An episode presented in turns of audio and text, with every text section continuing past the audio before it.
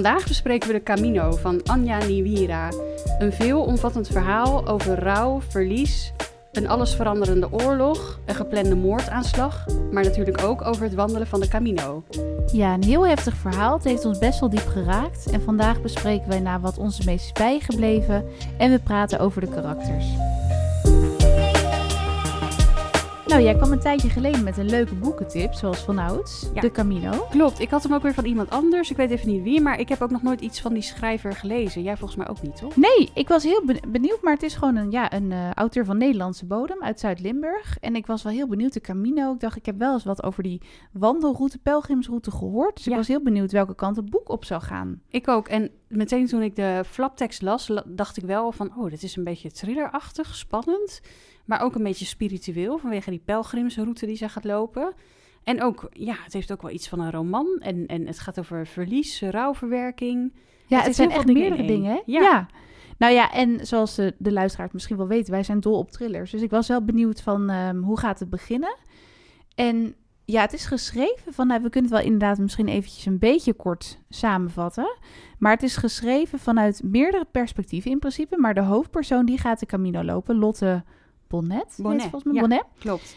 En wat heel grappig was, is dat zij dus eh chocolatier is of, of chocola maakt en workshops Ja. geeft. En eh, ik werd daar natuurlijk wel gelukkig van. Ik hou van chocola. Heerlijk. En ik vind het ook wel leuk om te lezen dat eh, de schrijfster aan het eind van het verhaal in haar dankwoord ook een beetje beschrijft dat zij zelf ook workshops heeft gevolgd om truffels te maken. Ja. En dat kun je ook wel merken, want het wordt best wel uitgebreid beschreven over welke cacaobonen en welke vulling met pruimen en noten. Nou, ik kreeg helemaal zin in Ik chocola. Ja, ik hou dus niet van allemaal van die gekke vullingen erin. Maar Je bent niet zo van de gekke nootjes en Nee, rozijnen en zo. Nee, maar het hele proces van de chocolade en ook dat ze dan een blokje chocolade neemt en het smelt op haar tong. ja. En dan neemt ze ook repen chocola mee die ze zelf heeft gemaakt voor onderweg. Nou, Ja, fantastisch. ik, krijg vond het ook wel grappig inderdaad dat ze dan twintig zelfgemaakte Ja. chocoladerepen had. Ja, En dan had je helemaal zo'n, ehm, dat was dan in een van de hoofdstukken, begon dan met zo de, de ultieme Camino-lijst, Paklijst. zeg maar, paklijst Ja. was het ja. En dat je denkt, wow, je moet zoveel spullen meenemen, en dan moet je allemaal op je rug meedragen. ja, de hele tijd. Hè. Je kan ook niet zeggen, eh, butler, dag, draag jij mijn tas nee, mee? precies. En dan mag dan maar volgens mij, of ze raden aan 10% Ja. procent van je lichaamsgewicht ook ja. nog. Ja, dus reken uit, dat is niet superveel. Dus dat, eh, toen dacht ik wel, jeetje, waar begin je aan? Maar nee, ik had inderdaad nog nooit eh, iets van deze schrijfster gelezen. Je had Nee. volgens mij wel eerder al Het Bloemenmeisje gelezen, dacht ik toch? Klopt, ja, dat was ook wel een heftig boek. Maar ik dacht wel meteen, eh, dit is de tweede keer dat ik hem lees. Dat vind ik eigenlijk ook wel fijn bij dit boek. Er gebeurt zoveel, ook zoveel eh, geografische, ja, hoe noem je dat? Geopolitieke ontwikkelingen. Ja. Ehm, en het is wel fijn om daar nog een keer over te lezen. Nou, ik moet zeggen, toen ik het boek uit had, had ik gelijk de neiging. Ik zou hem nog wel een keer vanaf vooraf aan willen lezen, Ja, omdat je dan alles wat meer op zijn plek valt. Ja, dat gevoel had ik ook. Het is wel echt een beetje een puzzel, maar een, een ingewikkelde puzzel. En het begon meteen ook best wel heftig, tenminste vond ik. Hoe was dat voor jou? Dat je een beetje dat eh, ja, moment van rouw, een jaar, een, ongeveer een jaar nadat eh, de man van eh, Lotte is overleden. En dat meteen best wel heftig begint in Bosnië. Ja, ik vond het ook best wel ehm, ja, aangrijpend om te lezen. En ik wist wel, want jij had gezegd het gaat over oorlog, maar ik wist dan nog niet zo goed over welke oorlog ook heel het droog, ja, het gaat over oorlog. Ik dacht van, oh ja, dat is altijd best had wel... iets met oorlog van doen. Ja, precies. Nou, toen dacht Nee, ik eh, ja. van, hey, dit is eigenlijk een oorlog best wel niet heel lang geleden. Eh, Nee. In de jaren negentig speelde dit dan in, in voormalig eh, Joegoslavië. En ik moet heel eerlijk bekennen dat ik daar dan toch wel schrikbarend weinig van afwist. Ik ook hoor. Dus toen dacht ik, oh ja, over Bosnië. En wat me vooral gelijk wel interesseerde was dat ehm Emiel, de man van Lotte, die heeft dus een jaar geleden de Camino gelopen en heeft eh, zelfmoord gepleegd. Dat is, Ja. wordt al vrij gauw duidelijk. Ja. Maar wat dan ook vrij gauw duidelijk wordt, is dat hij een andere identiteit heeft aangenomen. Daar komt Lotte na zijn dood achter. Eigenlijk ik. allemaal wel schokkende gebeurtenissen na elkaar. Want Ja, Ze, eigenlijk ontdekt ze heel langzaam steeds meer over haar man. Die een heel ander persoon was in die tijd. En eh, ze moet steeds meer accepteren dat ze hem eigenlijk helemaal niet herkent in die dingen die ze over hem eh, weet. En dat begint met het verhaal dat hij een andere identiteit heeft aangenomen. Ik bedoel, waarom zou je dat in vredesnaam doen? dat vind ik wel een heel sterk uitgangspunt voor een thriller. Omdat Ja. je dan al vanaf het begin af aan ben je als lezer heel erg geboeid. En nou, het is ook daadwerkelijk zo dat er volgens mij rond je 95, 96 gewoon massagraven gevonden zijn met mensen die zijn gevlucht uit de oorlog. Maar ook bijvoorbeeld inderdaad eh, misschien ook wel oorlogsmisdadigers waren. Ja, er zijn gruwelijke Ja. dingen gebeurd. En eh, ja, lastig om het eh, samen te vatten en uit te leggen. Maar het, waar het eigenlijk op neerkomt is dat er drie vrienden waren. Dus die man van haar was be- bevriend met twee jongens al vanuit zijn jeugd. En die zijn volgens mij allebei, alle drie opgegroeid in hetzelfde gebied, hetzelfde land. Ja, Maar hebben door hun eh, opvoeding, hun normen en waarden, eh, generaties die dingen hebben meegemaakt en dat weer voor, voor laten vloeien in hun kinderen, eh, ja, levensbepalende keuzes gemaakt. En dingen gedaan waarvan je misschien later je, amper kan voorstellen dat je dat gedaan hebt, maar het is toch gebeurd. En zijn eh, alle drie een heel ander eh, pad gaan kiezen in het leven. ja, naarmate ze ouder werden, kregen ze ook steeds meer indrukken vanuit huis, maar ook ideeën over politiek en af, eh, afkomst, zeg maar. Ja, Dus- religie. ja, en religie. En, en daardoor dreven ze verder uit elkaar. Want ja, vroeger zaten ze inderdaad gewoon bij elkaar in de klas. Maar het viel dan wel al gelijk op dat een van de jongens, eh, Milan, die is Servisch, als ik me niet vergis. En dat hij gewoon keihard gediscrimineerd werd door Ja. leraren. ja. Dat vond ik wel heel ja, hartverscheurend gewoon om te lezen. Dat hij gewoon letterlijk fysiek bijvoorbeeld niet werd opgevangen tijdens de gymles door de leraar. Omdat hij dan eh Servisch was. Klopt, maar dat hij ook eh, tegelijkertijd opgroeide met hele extremistische ideeën. Ja, die oma beetje- plantte hele rare ideeën in zijn hoofd. Maar eh. daardoor volgens mij ook een beetje de haat ontstond voor de, Ja. voor de Bosnische, eh, wat is het, moslims? Ja, Bosnische moslims. En Ja. volgens mij was een van de jongens was dan ook weer een Bosnische moslim. Terwijl ze waren eigenlijk hartsvrienden, maar ze Ja. waren alle drie verschillend qua eh, ja, etniciteit en geloof en dat Klopt. soort dingen. En dat was eigenlijk heel erg belangrijk. Daar, daar, ja, dat, dat, dat was levensbepalend. Nou ja, en wat het interessante is voor ons als lezer, denk ik, is dat je je leest aan de ene kant hoe Lotte de Camino gaat voorbereiden en eh, rouwt om haar man en ook heel erg na gaat denken over wie was hij dan wel. En aan de andere kant heb je dus ook brieven van iemand, je weet dus niet van wie. Ik dacht dus de hele tijd van waarschijnlijk Hm. is dit gewoon de man, Ja. eh Emiel zeg maar, die eh, is omgekomen of zichzelf van het leven heeft beroofd. Dat hij nu een soort brief aan zijn vrouw schrijft, Dat waarin hij alles dus uitlegt. ook. Ja, ik wist nu natuurlijk wel dat het anders zat. Maar ik dacht Ja. inderdaad, dat is gewoon wat hij nalaat, die brief. Dat leest zij omdat Een soort verantwoording of zo, verantwoording, ja. Ja, maar dat, nou ja, ehm, daardoor ben je dus ook wel benieuwd van wie schrijft die brief en waar gaat het op uitkomen. En dan lees je ook een beetje over hoe dat proces heel langzaam ja, eh, wortelt in je hoofd. En waardoor je uiteindelijk dat soort drastische keuzes gaat maken en zo erg verandert. Dat het ja, van generatie op generatie eh, overgaat. En dat, dat, dat, dat je normen en waarden worden gevormd door de plek waar je geboren wordt en de, de mensen met wie je opgroeit. En dat dat maakt dat je hele andere dingen doet, terwijl je dus wel eh, bevriend bent met eh, jongens die een andere etniciteit en religie hebben, maar ja, dat allemaal in de steek laat voor eh, een, een, een hoger doel. Ja, ja, bizar hè, dat het dan zo'n omwenteling is. Ja, en, ja, vooral ja. De, de, de, de tweedeling. Dus ze- je merkt heel erg het verdriet en dat zij dus rouwt om haar man. Ik vond dat ze dat wel heel goed heeft eh, omschreven. Dat het haar af en toe een beetje overdonderd lijkt het wel. Dat ze dan ineens weer heel erg moet denken aan Emiel. Dat is dus haar man. En ehm, ja, dat ze ook maar zo verdrietig is dat ze hem eigenlijk helemaal niet goed kende. En ook spijt Ja, heeft dat ze hem zich nooit eh, genoeg blijkbaar voor hem geïnteresseerd heeft. Of dat ze nooit dit of dit heeft gevraagd. Of dat ze allemaal dingen niet gedaan heeft. En dan op een gegeven moment lees je weer over mooie herinneringen over hun twee. En over, over haar zoons. En eh, ja, weet je, dat ze eigenlijk ook een beetje uit nood getrouwd was omdat ze zwanger werd.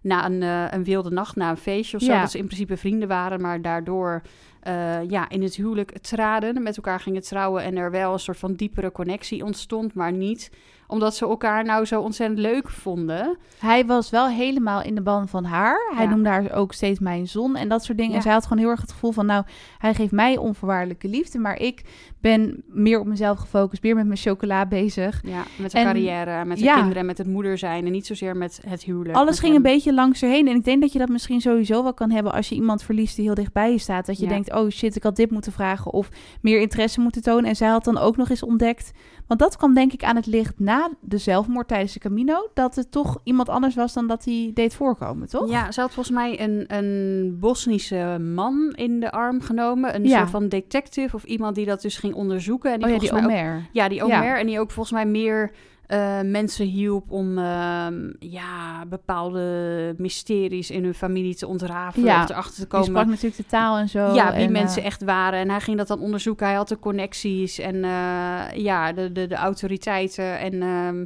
eh, hij kwam ook langzaam met steeds meer informatie. En terwijl ze dan aan het lopen was, ehm, ja, passeerde dat haar langzaam een beetje. Dus die rouw afgewisseld met nieuwsgierigheid naar meer antwoorden. Maar ook een beetje met een soort van spiritueel gevoel. Als in van ik ga een beetje ehm, uit mijn hoofd. Niet te veel nadenken. Meer met mijn lichaam bezig. Waar heb ik pijn? Eh, hoe komt dat? Hoe ver moet ik nog lopen? Wat zie ik om me heen? Wat ruik ik allemaal? Ja, helemaal je zintuigen op ja, scherp ja, het zetten. klinkt een beetje ehm, zweverig misschien, maar ik Het vond was die... niet heel zweef tijdens nee, het lezen, hè? en die, die sfeer, ik vond dat ze dat ook al echt goed overbracht. Dat, dat ik bijna zin kreeg om het ook te doen. Bijna. Ja, dat je bijna denkt van... Hm, zal ik ook mijn rugzak pakken en ook de Camino gaan lopen? Dat Of een vrije stukje? gevoel en dat ze helemaal in de natuur was. En denk, wow, Ja, je neemt maar, maar twee setjes kleding mee. En eh, hè, Elke dag wassen. Zoveel kilo bagage, maar je, je kan daar gewoon twee weken mee eh, kamperen en overal slapen en lopen. En ehm, En alles Ja. boe. En dan inderdaad ondertussen Mm. ergens slapen. En de schrijfster Anja Nivira, die heeft ook de Camino blijkbaar letterlijk zo gelopen. Dus zij, dat Ja. merk je ook wel tijdens het beschrijven van de sfeer inderdaad. Precies. En van de uitzichten. En ook, eerst dacht ik ook van, nou de Camino, hm, misschien ga ik hem ooit lopen. Maar als je dan leest over die rotsachtige, heuvelachtige paadjes met afronden, dan denk je, jeetje, Ja. dat is ook best wel gevaarlijk. dat leek me ook niet heel eh, makkelijk hoor. Dat ik denk, nou, eh dit is een hele klim. Je kan je zo verstappen. En dan eh, op een bepaald moment gaat Lotte ook lunchen met een paar medepelgrims. En dan drinken ze ook een glaasje wijn. En Ja. één iemand valt dan gewoon, die glijdt gewoon van een rotsbrok heel eind naar beneden. Ja, dat vond ik ook echt heel heftig om te lezen. Ja, vond ik ook heel heftig. Maar gewoon het feit dat ze elke keer weer andere mensen En dat Ja. de pelgrims tegenover elkaar ook gewoon heel, ja, heel losjes zijn. Heel aardig. En alles kan, alles mag. Gewoon een hele relaxte sfeer. Je leert elkaar kennen. En waarom loop jij de Camino? En waarom jij? En er ontstaan altijd mooie Lijkt me wel verhalen. heel mooi om een keer mee te maken. Ja, mij ook. En, en, en nou, dan komt ze dus in contact met drie Franse zusjes. En dan besluit ze met hen verder te lopen. En dan is er dus nog een andere vrouw bij. Maar ja, waar we wel steeds meer achter komen, is dat iemand, we weten niet wie, nee. het eh, op Lotte gemunt heeft. We weten ook niet waarom. Maar er gebeuren wel de hele tijd gekke dingen die dan heel toevallig... heel verontrustend. Ja. Ja, eh, zeg maar, ze zijn heel verontrustend, maar heel toevallig komt het dan net weer goed, waardoor Lotte ja, aan, aan de dood weet te ontspringen Ja, iedere keer. Zeker, ja. En, en, en dan is het geluk aan haar kant. En nou ja, er gebeuren dus wel eh, vervelende dingen met andere pelgrims. En dan ga je dat toch een beetje in een ander daglicht eh, stellen. ja, het wordt steeds duisterder. ja. En al vrij snel in het boek komen er dus ook passages vanuit een onbekende figuur... die dan ook stiekem Lotte gaat volgen op social media... en die Ja. helemaal haar gangen nagaat. Die was En ook best wel eh, bot, toch? Een beetje Ja. zo'n eh, gevoelloze man van... eh, Die vond het allemaal een beetje oppervlakkig met de chocola en zo. Ja. En nou, ik moet er eerst maar eens even... Maar hè, misschien kunnen we eerst nog even... ja, die wilde wel eerst even een spannend pleziertje beleven... voordat hij er dan om zou leggen, heel Precies. bot gezegd. Ja, want uiteindelijk moest ze dood, maar ik kon eerst nog wel even gebruiken. Ja, hij, want ja. ze wond hem dan wel weer op, maar hij moest er ook uit de weg ruimen. En dan denk je, ja, Ja. waarom moet ze nou uit de weg geruimd worden? En ze ontmoette eigenlijk de eerste dag al een, een hele charmante. Franse jongeman. Nicola. Nicola, of nou ja, ik weet niet of die jong is, maar... Ja, een heel aantrekkelijke man. Ze vond hem gelijk heel aantrekkelijk. En dat was eigenlijk voor het eerst nader. En de odeur, van de man. odeur viel meteen op, hè? de Azarro, aftershave, die was overal te ruiken. ja. Ik vond het ook wel heel leuk dat het in, eh, in het Franstalige gedeelte was. Want je hebt, jij zei ook volgens mij dat je ook een deel van de Camino in Spanje hebt. hè? Ja, volgens mij wel. En uiteindelijk eh, eindig je in eh, Santiago de Compostela. Oh ja, mij is dat tuurlijk. Spanje. ja, ja Dus, dat is eh, waar. En het duurt allemaal heel lang hoor. Duizenden kilometers of zo die tocht. Of nou, ik weet niet, honderden misschien. Maar mensen lopen hem dan niet helemaal. Maar die, Nee. die stappen ergens in en die stappen weer ergens af. En zij, dat vond ik wel inderdaad grappig bedacht. Dat zij precies de route ging lopen als Emil, Ja. haar overleden man. Zeker. Want hij had haar blijkbaar elke dag dan wel een appje gestuurd en laten weten waar hij heeft overnacht. En zij had zoiets van: ik wil alles precies doen zoals hij heeft gedaan. Want misschien ontdek ik iets. Waarom ehm, heeft hij zichzelf van het leven beroofd? Want Ja. zij heeft geen idee. En ik dacht echt, die Nicola is degene die haar volgt. Want Ik die, ook. eh, Alles wees in zijn richting. Alles wees in zijn richting. Vond ik ook wel goed bedacht. En toen dacht Ja. ik van, oh, maar hij, hij wil ook gewoon om die reden de, de Camino lopen. Maar eigenlijk ook om haar te leren kennen. Ja, Eh, hij was heel verdacht. Hij was heel verdacht. Nou, uiteindelijk ook En omdat hij natuurlijk iets, iets ja, nee, ja, ik weet Ja. eigenlijk niet wat we kunnen zeggen. Maar ja, omdat hij natuurlijk ook wel een bepaald ehm, een bepaalde reden, een Ja. reden had om haar beter te leren kennen. En een soort van, ja, misschien wel een geschiedenis had met hij was haar wel op haar gefocust. Ja, hij was op haar gefocust. Ja, Dus toen dacht ik wel gelijk, misschien zou hij dan die man zijn die achter haar aan ja zit. dat maar dacht dat ik ook. Maar ik kon het me eigenlijk niet voor. Ik dacht, nou, dat zou ik echt heel stom vinden. Ja. Zo'n gevoelloze botte... Maar eh, lieve luisteraars, geloof ons, er komt een ontknoping. Ja. Ja, we zullen hem niet onthullen, maar ik, Nee. ik heb in tijden niet zo'n goede ontknoping gelezen, vond Nou, ik echt. Ik vond het echt, eh, dat, dat einde, we gingen er met een knal uit. Zo, dat was echt eh, heel spectaculair. En wat Ja. we ook een beetje nu zeggen, er speelt best wel veel. Het is aan de ene kant een soort een beetje zoektocht misschien wel naar jezelf, wat misschien een beetje zweverig klinkt, maar je gaat toch heel anders over jezelf denken en dingen anders bekijken tijdens zo'n wandeltocht. Ja, dat denk ik ook. En je hebt ook, nou ja, die voortdurende spanning. Eerlijk is eerlijk, daardoor bleef ik wel doorlezen. Want je wil gewoon weten hoe het afloopt. Maar ook die heftige fragmenten uit de, de oorlog. eh, uit die brieven van diegene die dus naar Lotte schrijft. Die Ja. beschrijft ook al die verschrikkelijke dingen die mensen hebben gedaan tijdens de oorlog. En zijn overkomen. Ja, het is echt heel heftig om te lezen. Ik, wel, ik was volgens mij een keertje dat ik net wilde eten of zo. En toen ging het dus over een, ja jongens, een, een keelritser. Een Oh, soort ja. van handschoen waar een mes aan vast zit. En die kon dan de gebruiker zo aandoen om dan heel soepeltjes en heel snel... allemaal mensen die zo op een rij stonden, zo tjak, tjak, tjak in één keer zo de keel... Je kan het toch niet voorstellen? Nee, en ook wat jij zei vanmiddag al over die eh, baby's die gewoon van, Van de brug, af afgooien. En daarna gingen die moeders erachterna. Die moesten Ja. eerst zien hoe hun kinderen... Nou, het is gewoon... Het is, het is echt... Ja, het is onvoorstelbaar walgelijk om te lezen. Dat er zoveel eh, slechte... Nou ja, iedere oorlog is natuurlijk slecht. Maar eh, Ja. als het al zo ja. gedetailleerd wordt eh, vermeld... en iedere keer stukjes weer in die brief... En dan dus over die drie jongens die samen opgroeiden. Ja, en dan lees je dus ook steeds over Emiel in die brief. Ja. Dus je denkt dan van wie schrijft nu die brief? Want ja, je weet dus, de, de man van Lotte die heet Emiel, maar hij heeft een andere identiteit aangenomen. Dus Ja. wie is hij dan? En waarom, wat is er dan met de echte Ja. Emiel gebeurd? En die komt wel de hele tijd in die brieven voor. Ja, dus dat is echt, nou ja, daardoor bleven we wel doorlezen. En wat vond jij een beetje van de schrijfstijl, van het tempo van het verhaal? Eh, ik vond wat jij zegt, dat er vooral veel in gebeurde. Dus het verveelde me geen moment. Eh, het las op zich makkelijk weg, maar het was niet zo'n boek waarbij je denkt van... nou, ik hoef niet de hele tijd mijn aandacht erbij te houden. Ik moest er wel een beetje geconcentreerd voor zijn. Ja. Ehm, ik vond vooral de stukken over, eh, over de oorlog en wat er allemaal gebeurde. De, de, de, de, de- ja, de gevechten en al die dingen. vond ik heel heftig om te lezen. Eh, ik vond de, de sfeer ook best wel duister. Die Omer komt steeds meer achter dingen. En ehm, Ik dacht ook een tijdje, sorry dat ik je onderbreek, Nou, maar dat, zij, eh, Lotte was ook in contact met een psychologe van de UvA, de Universiteit van Ja. Amsterdam volgens mij. En zij had, was ook Bosnisch. Ja. Ik dacht ook nog, zou zij nog kwaad in de zin hebben of zo? Ik vond haar op een gegeven moment ook een beetje verdacht worden. Dus overal eh, schuil- het lijkt een beetje gevaar eh, te zijn. Ja, klopt. Want zij begon ook wel een beetje persoonlijke vragen te stellen. En Ja. die Omer zei dan weer... ja, je moet het clubje die weten wat de waarheid is... zo klein mogelijk houden. Voor je eigen veiligheid Voor je eigen ook. veiligheid te zijn, maar deed het doe voorzichtig. En dan ging die een of ander rapport waar dan al die details in stonden over de echte Emiel naar haar sturen. En ja, uiteindelijk loopt het ook niet goed af voor hem. Hè? Nee. Dus dat is, dat, er gaat ook nog wel wat gebeuren. Terwijl hij je een heel belangrijke mededeling heeft. Precies. En die En- en bereikt dan haar niet die- op tijd. Nee, dat klopt. Want dan ging die, zei hij, nee, ik heb nu haast, ik moet het nu allemaal regelen. En kan Ja. Ik zei, ja, maar wie is Emiel dan? Of wie was die dan? Dan kan je dat dan nog zeggen. Nee, nee, nee, ik, bel je vanavond weg. wel. Je Ja. moet weg. Ja, oh, dat was wel echt... Terwijl we het zo zitten te beschrijven, denk ik, het zou wel echt een film kunnen zijn. En het schijnt dus Ja. dat er filmrechten verkocht zijn. Dus dat er een film komt. Ja, dat Oh. hoorde ik in een interview heel Ja, wat goed. recent. Ja, je hebt weer allemaal dingen gehoord in de wandel. Nou ja, precies. En dat, eh, ik ben wel heel benieuwd. Maar dit, dit leent zich denk ik wel uitstekend voor een, eh, voor een film. Ja, ik Die gaan wel we zien hoor. kijken. Zeker. Maar ik hoorde trouwens ook, dat volgens mij eh, even over iets anders, een Ja. ander boek.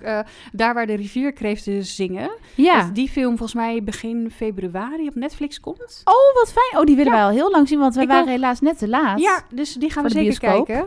Oh, maar wat goed. eh, ja, iets anders. Wat vond jij van Paul? Ja, dat vond ik wel een hele leuke toevoeging aan het verhaal. Ik vond Ja. dat hij best wel goed uit de verf kwam, want hij was... Misschien moeten we hem nog even introduceren. Ja, misschien moeten we. Paul heel even introduceren. Maar inderdaad, ehm, het was wel een beetje een originele gezinssituatie waar Lotte in verkeerde. Want zij had een hele goede band met haar nichtje, Mario. Maar die, ja, die zijn eigenlijk opgegroeid als zussen. Ehm, dus ja, die waren gewoon altijd heel erg close, beste vriendinnen. En op een bepaalde dag hebben Mario en Lotte op dezelfde dag dus hun partner ontmoet. Emiel en Paul. Die kwamen op een terras zitten. En nou ja, bij Mario en Paul was het gelijk liefde op het eerste gezicht. En die Emiel en die Lotte, die vonden elkaar wel leuk. Maar inderdaad, dat, dat leek Ja, gewoon voor één nachtje. vrienden. Precies. En eh, ja, wat wilde ik nou zeggen? Ja, eh, Paul en Emiel waren ook vrienden. Ja, die waren goede Ja. vrienden. En eh, nou, die waren dus... Paul die was gelijk, die viel als een blok voor Mario en Mario voor hem. Dus dat duurde ook niet lang. Die werden echt, eh, die werden een stel en die Ja. gingen trouwen. En die kregen dus een kindje, Caroline. Super schattig. Maar Mario had ook veel depressieve Ja. eh, buien. Die eh, zat niet helemaal goed in haar vel. En die Paul eigenlijk ook wel. Die, die was ook niet helemaal... eh, Die was best wel stil en teruggetrokken. En volgens mij soms ook een beetje een drankprobleem. Ja, En eigenlijk Lotte en Mario waren best wel een beetje elkaars tegenpolen. Hoewel ze dus heel hecht waren. Lot was altijd best wel uitbundig en vrolijk en lacherig. En Mario was juist wat stiller en inderdaad soms wat meer depressief. ja. En hoeveel ellende kan een mens ook in zijn leven hebben, denk je dan? Die Mario die krijgt een ongeluk eh, vlak nadat haar baby is geboren. Voor Ja. hè? Ja, en ze wilde heel lang zwanger worden, dat lukte maar niet. Toen had ze eindelijk een baby na Oh ja, zoveel jaar. En dan eh, ging ze in combinatie volgens mij met de medicijnen of zo. Ging Oh auto ja. rijden of ze had te veel medicijnen. Nou. Antidepressiva of zo? Of Ja, iets, het ging in ieder geval niet goed. En eh, toen is ze verongelukt. Dus toen bleef Paul alleen achter zonder Mario. En die, ehm, nou ja, die, die is gewoon op hele hechte voet verder gegaan met Emiel en, en Lotte. Ja, En die is uiteindelijk volgens mij ook gewoon bij hun komen wonen. Of heel vlakbij in elk ja geval. er was ook een, een eh, appartement of een soort van een woning, een huisje of zo op, op hun terrein. Dus daar woonden zij gewoon met z'n tweeën. En eigenlijk was Lotte ook een soort van moeder voor Caroline. Want blijkbaar was die Paul af en toe ook gewoon een beetje weg. En dan Drukke eh, carrière of ging zo. hij eh, waar de zon Ja. hem heen voerde. En dan kwam hij terug wanneer hij er zin in had. En dan deed Lotte eigenlijk eh, de, de dagelijkse dingen met Caroline.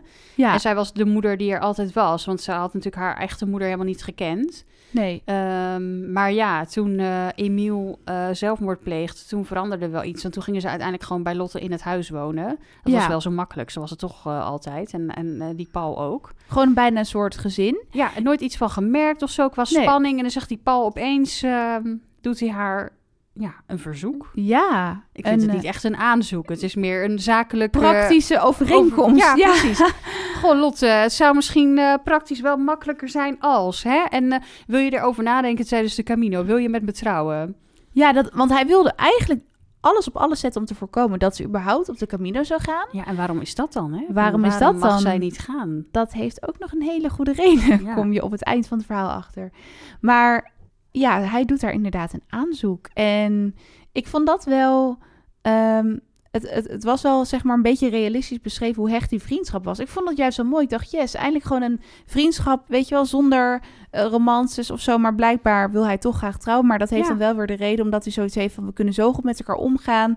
En ik wil gewoon niet dat er een andere vrouw of andere man... zomaar in het leven van Caroline komt. Ja, dus ik ben natuurlijk nu wel gekleurd, maar Ja. ik dacht wel meteen van... Ja. oh, ik vind het wel een beetje een man met een gebruiksaanwijzing Ja. of zo. Ik vind dat hij een beetje duistere, aparte hij was gelijk heel duister. trekjes Ja. heeft. En, en, en be- best wel dwingend. En Van ja, weet je je antwoord al? Heel Ze zei, dwingend. eh, ik ben zijn een dag verder, Paul. Ja. Ik weet het niet. Maar zij bleef best wel, dat vond ik wel leuk aan het karakter van Lotte. Ik weet niet hoe jij dat vond, maar zij bleef best wel nuchter en wel gewoon lieve appjes naar hem sturen. En wel stoer en een Mm. beetje onverschrokken of zo. Ja, maar ze zei uiteindelijk ook... Het, het, eh, het voelde alsof hij steeds verder van me weg was. Alsof het steeds meer een routineklusje was... om hem op de hoogte te houden... en om een appje te Ja. sturen... nadat ik gedoucht had en de compiet van mijn eh, voeten had gepeuterd.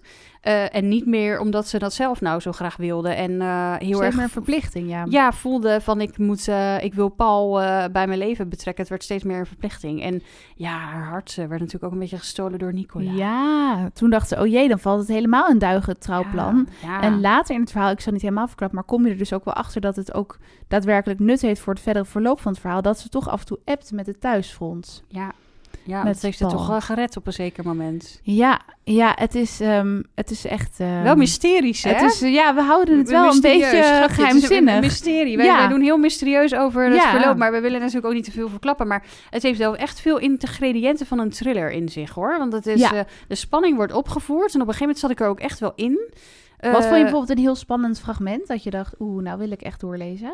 ehm, Je had natuurlijk ik op een gegeven moment die blikseminslag. Ja, of- en dat op een gegeven moment ook die regisseurs in beeld kwamen. Toen vond ik het wel spannend, want toen was haar veiligheid ook in het geding. En toen werd ze gevolgd. En eh, uiteindelijk eh, bleek dan dat ze wel iemand op het oog hadden. Maar ze wisten het allemaal niet zeker. En inderdaad, met dat onweer, dat vond ik ook wel heel spannend. En nou, dan komt de, de nacht met, met Nicola, waarvan iedereen Ja. wist dat hij zou komen. Die komt volgens mij dan, want dan is haar hotelkamer eh, blijkbaar ineens eh, gereserveerd, omdat het overal te druk is. En dan zegt Nicola, ja, maar je gaat niet in de kerk slapen, Lotte. Je komt bij mij. Toen dacht ik al, als hij nu de misdadiger Ja. is, dan heb je wel een probleem. Maar ik had toch een beetje dat gevoel, hoor. Ja, dat weet ik nog wel, toen hij ik het de eerste heel- keer las. Dat ik Ja. dacht, ja, maar jij zou het zomaar kunnen zijn. En dan is het toch wel, dan, ja, dan, dan begeeft ze zich in het hol van de leeuw. Ik wist het, ja, precies. En ik vond daar soms ook wel goed van vertrouwen dat ze dan gewoon de rugzak bij hem achterliet. Ja. ik denk, je weet volgens mij dat er iets niet in de haak is. Ja, of wij weten het allemaal, maar zij niet. Dat of was dan zij misschien wel een niet. beetje eh, naïef. Ja. Maar- ja, en zij komt ook steeds meer achter dingen. Want dan gaat ze ook een dag naar eh, de abdij met eh, allemaal eh, zusters die Ja. daar ook hun eigen chocola maken. Oh en ja, daar had ze iets ontdekt, hè? hebben. Ja, en dan ziet ze een hele bekende foto die in haar atelier hangt. Dat eigenlijk ook wel een beetje symboliseert waar ja, die drie landen Ja. een soort van tegen vochten. Of hoe zeg je dat? De, de, de, de, etnisch, de etnische, etnische verschillen, de religie. Dat je dus een, een lam zag, een, een, valk en, ja. een zwart, en, en, en een valk dat op een kruis zat. Dus dat geeft Ja. een beetje weer dat je dus eh, eh, katholiek, hoe noem je dat, orthodox Ja, precies. Volgens mij stond die grijze valk stond dan weer voor het Service en Nationalisme of zo werd Ja. dan uitgelegd. En dat lam stond misschien weer voor, voor de, moslim. ja, voor de moslim, dacht volgens mij ik. de, de valk, de valk en het Ja. kruis was voor de, voor de katholiek. Ja, de precies. katholiek- nou ja, weet, Ja, de katholieke stroming. Ja, precies. Maar het was een hele opvallende foto. Ja, en die hing en die- inderdaad in haar atelier. Die herkende zij. En wie heeft die dan gemaakt? En eh, ja, eh, hoe komt die daar überhaupt? Eh, wat betekent het allemaal? En ja, uiteindelijk komt ze ook een beetje achter het geheim van Nicola. En wat heeft hij er dan weer mee te maken? En ehm, Nou ja, en ik, Ja. ik had ook wel zoiets van die foto, die een schrijver van de brief. Ja, het gaat echt in een stroomversnelling Ja. inderdaad. En het zijn eigenlijk maar twaalf dagen of zo, hè? Ja, het zijn twaalf dagen en Ja. elk hoofdstuk begint ook met een, eh, de datum, de tijd en de beschrijving van het weer en de locatie waar ze zich dan bevindt. Grappig, hè? Dat is wel grappig. En ehm, Vooral ik- ook verschil met hoe, hoe ze begon met lopen en hoe ze uiteindelijk aan het lopen is. Dat vind ik ook heel mooi. Precies, want het lopen begint als wel iets heel zwaars, waar ze heel erg Ja. tegenop ziet, waar ze heel erg bang voor is, waar ze heel veel gevaar in Ja, ziet. Maar en ze hijgt al als ze het een, makkelijker. trap oploopt. Ja. En ze denkt, die tas is veel te zwaar. Ik ga dit nooit redden, al die kilometers. En ehm, oh ja, ik heb hier een blaar. En oh, mijn teen prikt. En Ja. oh, ik heb daar last van mijn knie. En ik heb nu al last van dit en die tas. Oh, en het snijdt hier en het prikt daar. En uiteindelijk, ja, dan, dan, raakt dat steeds meer op de achtergrond. Dan, eh, wat ze zegt, dan komt er een cadans in haar lopen. Dan kijkt ze om zich heen. Dan, mm, ja, eh, neemt ze waar wat ze, wat ze hoort en, en ruikt en proeft. En dan vindt ze het vervelend dat ze bijvoorbeeld het gebrom hoort van een, eh, hoe noemen we dat, een waterkrachtcentrale of zo. Ja, je wordt je dus ineens veel bewuster van je zintuigen. Dat lijkt me wel heel fijn. Zeker, en dan wil ze gewoon in stilte lopen en ervan genieten. En al die pijntjes raken steeds meer op de achtergrond. Dat vind ik wel echt heel mooi. Ik weet niet of ik dat zou kunnen. Nee, nee. Als je dan inderdaad minimaal 20, 25 kilometer op een dag loopt, in de bloedhitte ook nog eens. Ja, het was niet eens lekker weer of zo. Het was gewoon Nee. bloedheet. Het was echt bloed. Oh, het lijkt me echt Ja, want eh, er heel stond pittig. windstil, 30 graden. Ik dacht, ja. ja. dat kan je heel leuk voorlezen, maar eh, het lijkt mij vreselijk. Ja, precies. Ik weet nog wel dat ik af en toe gewoon in Frankrijk ging lopen, gewoon op mijn vakantie. Het was het 30 graden, heel door en droog. Toen was ik al Oh. blij dat ik na twee uur ergens kon gaan zitten met Ja, een flesje dat water. ik. Ja, maar dan moet je ook wel echt drinken meenemen onderweg. En gelukkig zijn er volgens mij daar ook wel heel veel waterpunten en zo. Ja. En eh, is de route heel duidelijk. En Je komt altijd wel mensen tegen. ja, heb je een soort van gidsen waar precieze afstanden in staan. En waterpunten, toiletten en zo. En ik vond het ook wel mooi dat ze dan soms een beetje werd overvallen of door woede van waarom heeft mijn man tegen me gelogen, maar ook weer door verdriet. En dat ze dus ook terwijl ze met de nieuwe man Nicola samen is, dat ze dus ook weer verdriet om hem heeft. En toen dacht ik eigenlijk, ja, is hij nou wel of niet de, hè, de boeman, de, de misdadiger, maar dat hij Ja. haar toch wel weer gelegenheid geeft om om haar man te rouwen. En als je dan mooi. uiteindelijk hij, de ontknoping weet, daar ook een ja, beetje. Ja, de ontkno- nou, daar moeten we het zo meteen nog even hebben over welk gevoel dat in ons opriep. Ja, Maar dat hij haar ook troost van je mag rouwen om je man. Hij was er Ja. heel lang en ik ben niet in plaats van hem, ik ben na hem. En ja, Ja. echt hele mooie zinnen Heel ook. mooi. En Ja. bij Vlagen schrijft ze ook echt hele mooie zinnen over iets, iets, iets weten met je hoofd en iets voelen met je hart. Dat daar een hele lange weg van eh, tijd en reflectie tussen zit. Of zo. Ja. Dat je denkt, oh jeetje, als je daar even... Als Als je een dat, inzicht. ja. Ja, tot je het laat doordringen, is het Precies. echt wel een hele mooie zin. En ook wat hij dan zegt, eh, ik, ben niet, eh, ik ben niet in plaats van hem, ik ben na hem. Ja. En, ja dat ze om hem mag huilen, dat hij er gewoon is. Dat hij, dat hij foto's ziet van hem. En ehm, ja, dat ze hem niet doodzwijgen, letterlijk. Maar, en hij deelt ja. ook best wel over zichzelf heel sumiere informatie. En later kom je dus achter waarom. En dat het dus ook... Ja, hij heeft geen relatie met een vrouw. Hij heeft geen kinderen. Wat, wat zit er allemaal achter? Dus Ja. ja, het is continu... Ben je dingen aan het afvragen. Nou ook over heel erg hoe een oorlog een mens verandert. ja. Hoe dat je kan tekenen voor de rest van je leven. En dat je dus eh, door je opvattingen, door normen en waarden, eh, hele andere keuzes maakt. En als je daar dan op terugkijkt, dat je ja, eigenlijk eh, twee verschillende personen bent of zo. Dat je niet meer kan Ja. voorstellen dat je ooit zo'n leven hebt gehad. En dat dat leven ook heel ver weg lijkt. En dat je dan ja, na afloop toch kan denken, nou misschien verdien ik het wel om nu een normaal leven te hebben. Terwijl je eigenlijk dan berecht zou moeten worden voor al je oorlogsmisdaden. Ja, en dat je dus ook soms gaten in je geheugen hebt. Dat is wat wij lazen in het boek. Dat bepaalde ja, misdadigers uit de oorlog... dat ze gewoon een nieuw leven hebben aangenomen. En dat ze dus ook dingen zijn vergeten. Omdat je Ja. het ook gewoon misschien verdringt. En ook allemaal trauma's. Als Ja. weer iets gebeurt dat het je triggert. En dat je dan helemaal eh, ja, de pan uit flipt of zo om niks. Je kan het je gewoon niet voorstellen. Ik heb het dan gelezen in een boek. Maar dat het echt gebeurd is. Dat voelt zo surrealistisch aan. Ja, vind ik ook. En nog steeds gebeurt helaas in Ja. oorlogen. Bizar. Ja, nee, dus er gebeurt heel veel. Ik, ik vind het echt een aanrader om te lezen. Waarschijnlijk Ja. gaan we het zo meteen nog wel een keer zeggen. Maar het is gewoon een heel erg... ehm, ja, veelzijdig boek. Zonder Heel dat het meteen heel dik is. Het was 13 uur. Nou, ik vond het nog best meevallen. Ik We vond het ook wel voorlezer. boeken. Ja, Nou, ja, dus eh, nee, maar zonder te veel op de details in te gaan. eh, hoe vond je ja, het omslagpunt wat ze moest maken aan het einde? Of het proces dat ze moet doorlopen? Of in ieder geval het, het hele einde van die brief ook om, Ja. om te lezen. Waar eigenlijk eh, ja, alle ontbrekende puzzelstukjes nog een beetje worden behandeld. Nou, ik weet nog, ik zat volgens mij toen in de auto. Ik zat toen het boek te luisteren. En toen dacht ik, oh mijn god, dit is dus de persoon om wie het gaat, Ja. zeg maar. Dus toen was ik wel even helemaal eh, van me apropos.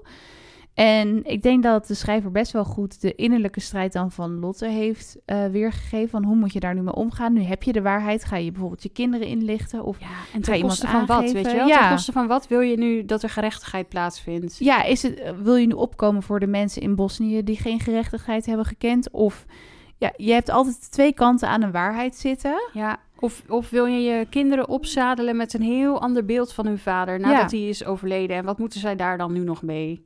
Is dat het waard? En hoe ga je er zelf mee om? Want je hebt dus ook twintig jaar inderdaad met iemand geleefd... waarvan je dus eigenlijk helemaal de jeugd niet kende. Lijkt me ook wel heel De- bizar. De, de, de ware aard. Je Ja. hebt geleefd met een heel ander persoon dan wie je dacht. En gewoon überhaupt iemand die een heel andere identiteit heeft aangenomen. Ja. Waarom zou je dat in godsnaam doen? Ja, en als je daar dan achter komt, dan weet je dat er reden genoeg was om dat te doen. En dan moet je nog maar ja, accepteren wat hij dan wel of niet gedaan heeft. Ja. En daarmee omgaan. Nou, precies. Nee, dat vond ik wel eh, vrij heftig. En ehm, ja, ik vind het... Het is wel echt een op zichzelf staand boek. Ik denk als er nou nog een vervolgdeel of zo was gekomen... had ik dat wel willen lezen. Maar goed, het, het verhaal was uiteindelijk wel echt af. Ja, echt het was wel echt een afgeronde zaak. En het was allemaal heel duister. Maar heb jij een bepaald favoriet fragment of iets wat jou... dat je denkt, nou, dat eh, staat me nog heel erg bij? Of... Eh, nou, we hadden het er net al even kort over. Ik denk vooral het, eh, het lopen en hoe ze dat beschrijft. Ik kreeg daar wel een beetje zo'n onrustig gevoel van. Dat ik dacht, ja, ja, ja ik, ik wil ook wel weg. Ik wil ook wel even in Het spreekt je wel aan, ja. Ja, het spreekt me ergens wel aan. Maar ja, dat is natuurlijk ook gewoon het eh, idyllische van, van de vrijheid hebben Ja. of zo. Terwijl dat praktisch helemaal niet altijd leuk is. Want ja, je zou maar net verdwaald zijn. Of je komt in een gevaarlijke situatie terecht. Eh, eh, er rent ineens een kudde op hol geslagen koeien aan je voorbij. Ja, dat, leek me, Ehm, oh, dat leek me wel heel, heel Ja, eng. je, je moet over enge paadjes lopen. Je moet aan zoveel dingen Smalle denken. weggetjes, ja. Smalle weggetjes. Je moet iedere dag je bagage met je meeslepen. Niemand anders Vooral doet het voor dat. je. Ja. Je bent heel vaak alleen, tenzij je andere mensen tegenkomt. Maar eh, dan, als je alleen bent, ben je op, op jezelf aangewezen. En, Helemaal in je gedachten kan je verzinken. Precies. Nou, dat kan ook helemaal de verkeerde kant op gaan. Ehm, dus dat gevoel vond ik, eh, ja, ik vond het heel leuk om daarover te lezen. Het staat zo ver van me af. En tegelijkertijd zet het me ook wel weer aan het denken. En ik denk een Ja, beetje daar, ja, daaruit voortvloeiend dat, dat stukje over dat ze dus met een aantal mensen aan het lopen zijn. En zij besluit om toch naar dat dorpje te gaan. En op een gegeven moment gaan er mensen met haar mee. Maar het is heel hard aan het regenen en aan het onweren. En gewoon die situatie. Ik, ik, ik weet niet, ik kon het me zo voorstellen dat ze daar dan loopt. En eerst hoor je nog mensen vloeken, maar uiteindelijk hoor je helemaal niks meer. Iedereen zit helemaal in zichzelf, in gevecht met, met zijn lichaam, met de elementen, met de regen, met het onweer. Eh, er lijkt maar geen einde aan te komen. Iedereen is eh, moe, eh, stil, in zichzelf gekeerd. Maar ja, ik weet niet, toch ben je samen en die sfeer en het is zo slecht weer. En ja, weet je, je, je- kan niet zomaar zeggen, ik, ik zak neer op de grond, ik ga, ik ga weer verder. Je kan niet blijven zitten, je kan niet terug. Het kletsen, natte kleren en je rugzak. En Ja. dat ze dus inderdaad Je moet niet in de doorlopen. kamer mocht slapen. Oh ja, dan leef je helemaal met de hoofdpersonen mee. Dat is wel echt leuk. Ja, ik weet niet, ik vond het heel mooi om te lezen. En ik denk het einde van die brief, dat is me ook nog wel bijgebleven. En dat zij dat dan uiteindelijk leest en dat ze dat allemaal een beetje op zich laat inwerken en denkt van oké, maar dit gaat misschien wel mijn hele leven veranderen. Of misschien toch niet. Moet ik er nu opeens heel anders gaan zien? Of moet ik gewoon gelukkig eh, zijn met de jaren waarin we gelukkig met elkaar waren? Of moet ik dat nu ineens allemaal laten, eh, negatief laten Ja. beïnvloeden door wat ik nu weet? En een beetje die, die strijd in haar hoofd. Ja, ik vond het wel, ik vond het wel heel mooi om daarover te lezen. Ja. Heel, heel sterk. Hoe ze dat dan voor zichzelf weer een beetje redeneert. En dan ja, toch eh, ja, kiest voor, voor de verstandige weg. Wel heel interessant. Ik ben Ja. ook echt wel heel benieuwd hoe je als schrijver op zo'n goed idee komt. Want het, het schijnt dat eh, de schrijfster, dat zei ze dus ook in een interview, dat ze eigenlijk begint met gewoon een groot maatschappelijk probleem of vraagstuk of iets waar je over nadenkt als mens. En dat ze ook heel veel heeft gereisd. Dus ze zal ongetwijfeld ook wel naar Bosnië zijn geweest, verwacht ik. Ja, je las wel een beetje eh, dat ze reislustig is of zo. Ja. Toch een beetje die uitgebreide beschrijvingen van de sfeer en eh, natuur en landschap en zo. Nou, en dat ze zichzelf dus best wel vaak terugtrekt om te schrijven. En ik vind het Oh, dus ja. heel bizar dat zij gewoon door de week... Ze heeft zij van mij gewoon een fulltime Ja, baan als directeur. Ze is nou, helemaal geen schrijver door de week. Kan toch niet? En in het weekend staat ze dus op om zes uur, gaat ze een paar uur schrijven... en dan hardlopen en dan weer schrijven. Hoe gedisciplineerd moet je dan zijn? Ja, dat weet ik ook niet. Maar dan waarschijnlijk dit, is gedisciplineerd genoeg om ook zo'n Camino te lopen nou, twee weken lang. precies. Dat zie ik Helemaal een afzondering. Dan Precies. komen natuurlijk ook wel ideeën bij op voor een boek, kan ik me heel goed Dat denk voorstellen. ik ook. En ja, ik ben dus ook wel heel erg benieuwd naar de film. Maar ik vond het einde wel heel ijster. Ik ben nu ook wel heel benieuwd naar, naar Bloemenmeisje. En er schijnt over een tijdje wel weer een nieuw boek over, van haar te verschijnen. Oh, nou, ik ben heel benieuwd. Maar sorry, wat, wat eh, is er voor jou een beetje uitgesprongen toen je aan het lezen was? Wat, wat herinner jij je nu nog vooral als je terugdenkt aan het boek? Nou ja, ook wel de dingen die jij beschreef. Maar ehm, ja, ook wel een beetje de uitwerking van de karakters. Oh ja. Eh, want ik vind, ik vind Lotte niet per se een standaard karakter. Ze is best wel... Ja, eh, ze durft veel. Eh, vaak lees je toch wel over een karakter die, die bang is en dingen uit de weg Ze gaat was en niet bang. Ze was, ik vond ja, haar heel slim en vindingrijk. Ik vond haar wel echt een mooi karakter hebben. Maar powervrouw. ja, zo, we hadden het er vanmiddag ook al even over. Ik vond af en toe wel, misschien moet jij dat ook maar verder uitleggen, maar dat soms eh, haar, haar gedachten een beetje dan ja, heel kinderachtig werden verwoord Ja, of zo. Alsof het bijna jong iemand is van begin 20 of nog Ja. jonger. Terwijl ze midden 40 is. Ze heeft Ja. twee volwassen zoons. En ze heeft genoeg meegemaakt. Ja, en eh, dat, dat hoorde ik in een review van iemand die zei... Ja, soms waren de gedachten een beetje te uitgebreid. Ik heb me daar zelf niet aan gestoord. Nou, ik vond het niet zozeer te uitgebreid, maar wel kinderachtig. Dat ze ook weer zei, nee, Ja. nee, weg, weg, weg. En Weg, weg, weg. En de oh jee. voorlezer. Ja, het kwam misschien ook door Ja. de voorlezer. Maar soms ook dat dingen wel heel erg werden uitgelegd van... Oh ja, ik heb die brief eh, te- tegen de regen in een plastic zak gedaan. Ja, want Oh ja. anders werd het nat door de regen. En dat ging dan zo heel... Nee, dat, snappen wij, dat snappen wij allemaal Ja, niet. Nee, nee. dat was... eh, terwijl er dan verder ook hele ingewikkelde beschrijvingen werden gedaan... van de geopolitieke staat van eh, voormalig Joegoslavië. Ja, dat was soms Dat een ik dacht, nou, een groot contrast. Ja, dat vond ik wel. En dan inderdaad zo nuchter... Oh ja, nee, ik heb dat gedaan tegen de regen... want anders zou die nat worden. Ja, Ja, dat was soms een beetje... En dan heel erg alles soms een beetje te beschrijvend. Dat kan soms ietsjes minder, denk ik. Maar op zich ging het verhaal wel redelijk in de sneltreinvaart. Maar ik vond toch dat er wel een, een soort van diepere psychologische laag ook in zat. Dat, Ja. dat het niet oppervlakkig bleef. En Eh, alles komt ook samen. Ja, wat je misschien denkt bij haar gedachten of zo. Nee. Van, oh, het wordt allemaal best wel kinderachtig verwoord. Maar tegelijkertijd, wat ik net ook al zei, stonden er dan weer hele mooie rake zinnen in. Ja, En dat het ook wel echt een diepere laag. Zonder dat het meteen in, in de, op de spirituele momenten heel zweverig werd. het, was, het werd niet heel dramatisch of heel zweverig. Nee. En je leest ook op een bepaald moment, dat vond ik ook wel sterk, over een bepaalde Boris. Ja. Die komt dus ook weer terug. Dus Wie dat vind ik gewoon heel goed aan het verhaal. Dat Ja. alles wordt verteld met een reden. ja. En ik dacht ook in het begin, waarom wordt er zo uitgebreid ingegaan op die kennismaking met Paul en met Mario en zo? Wat heeft het allemaal te, te betekenen? Maar alles komt weer terug in het verhaal. En dat vind ik vaak wel echt goed als een boek dat heeft. Ik ook. En het was echt een soort van goed in elkaar gezette, uitgebreide thriller. Terwijl het Ja. ook nog veel meer was dan dat. Nou ja, en ik vind het wel interessant om dan over de oorlog te lezen, hoe heftig het ook is. Maar dan ga je toch weer verdiepen in een stukje geschiedenis, wat helemaal niet heel lang geleden is. Nee, dus ook gewoon een heel groot maatschappelijk eh, ding werd behandeld. Terwijl... Ik vind het wel belangrijk. Stel, je zou dit op school lezen, Ja. gewoon op middelbare school, is ook denk ik best wel goed. Ja, dit is natuurlijk ook maar hoe de geschiedenis je vormt, zeg Ja. maar. Wat wij leerden op school, dat was dan onze geschiedenis. Terwijl Ja. er nog zoveel meer is gebeurd. Waar we is dus zo oneindig veel. heel, heel eh, apart. Dat, je, dat, dat weten we gewoon niet. Nee. En dat vind ik dan wel leuk om met jou over te hebben. Van ja, wat, wat wist jij over die tijd? En dan ga je het een beetje zo over hebben, weet je wel. nou, we waren snel uitgepraat. hadden allebei een beetje zoiets van... oh ja, hier moeten we ons toch weer even in verdiepen. nou, Hoe zat zeker. het ook alweer? Ja, dat is echt eh, bizar. Als je daar dan over leest. Ik, eh, ik, ik was helemaal in shock. Ja, ja, ik ook. Hoe die landen dan zo uit elkaar zijn gevallen. Ja. En nadat dan een bepaalde leider ook was overleden, volgens mij. Ja. Want die was dan nog wel weer voor Ja, toen ging het helemaal mis. Ja, Ja, nee, het was echt bizar. Terwijl als dat allemaal niet eh, speelde en er was gewoon één, één man die om een bepaalde reden zou willen dat zij eh, het loodje legt tijdens die Ja. Camino, dan was het gewoon een thriller, weet je? Ja. Dan was het ook prima en dan gebeurde heb er je ook, ook genoeg dat soort in. boeken? Precies. Precies, heb je ook dat soort boeken. Maar dit, ja, dit was eh, heel omvangrijk. Het Heel omvat heel veel meer en er gebeurt heel veel. Terwijl het is niet super dik, maar ik zou het echt heel veel mensen aanraden. Ik Echt een mooi ook. boek. Ja. Ja, ik ga het ook echt gelijk naar een paar leuk. vrienden doorsturen. Dat vind ik het leuk met zo'n app. Je kan het gewoon lekker delen. ja. En ik, ja, misschien ga ik bepaalde stukjes nog wel een keer opnieuw lezen. Dat vind ik altijd leuk met zo'n goede ontknoping. Dat je dan weer... eh, Ja, of nou misschien toch nog een keer een stukjes van die brief of zo. Ja, Want die stonden wel apart, ook als hoofdstuk, dacht ik. Daar staan dan wel weer bepaalde hints in. Ja. Ja, ik hoop dat we jullie thuis ook een beetje nieuwsgierig hebben gemaakt. Of misschien kennen jullie het boek al. Ja, ik ben benieuwd. Jij zei dat het nog redelijk nieuw was, toch? Ja, deze komt uit 2021 volgens mij. Oh ja. Dus, maar hij is al best wel veel besproken ook. En eh, stond volgens mij ook in de bestseller 60. Dus hij heeft het eh, heel goed gedaan, dit ja. boek. Nou, dat vind ik ook wel terecht. En ik ben blij dat jij hem hebt ontdekt. Ja, ik heb hem geloof ik ook weer via via. Ik weet het niet Ja. meer. En Tessa's moeder had hem geloof ik ook gelezen. Dus wel, Oh, wauw, eh, veel goed. mensen kennen hem wel. Oh, wat leuk. En die vond hem ook heel mooi. Dus Tessa werd ook wel nieuwsgierig. Toen zei ik, ja, wij gaan hem ook bespreken. Ze zei, oh, misschien moet ik hem dan toch maar eens gaan Oh, lezen. nou Tess, als je luistert, Ja. ik denk dat het zeker een boek ook voor jou is. Absoluut.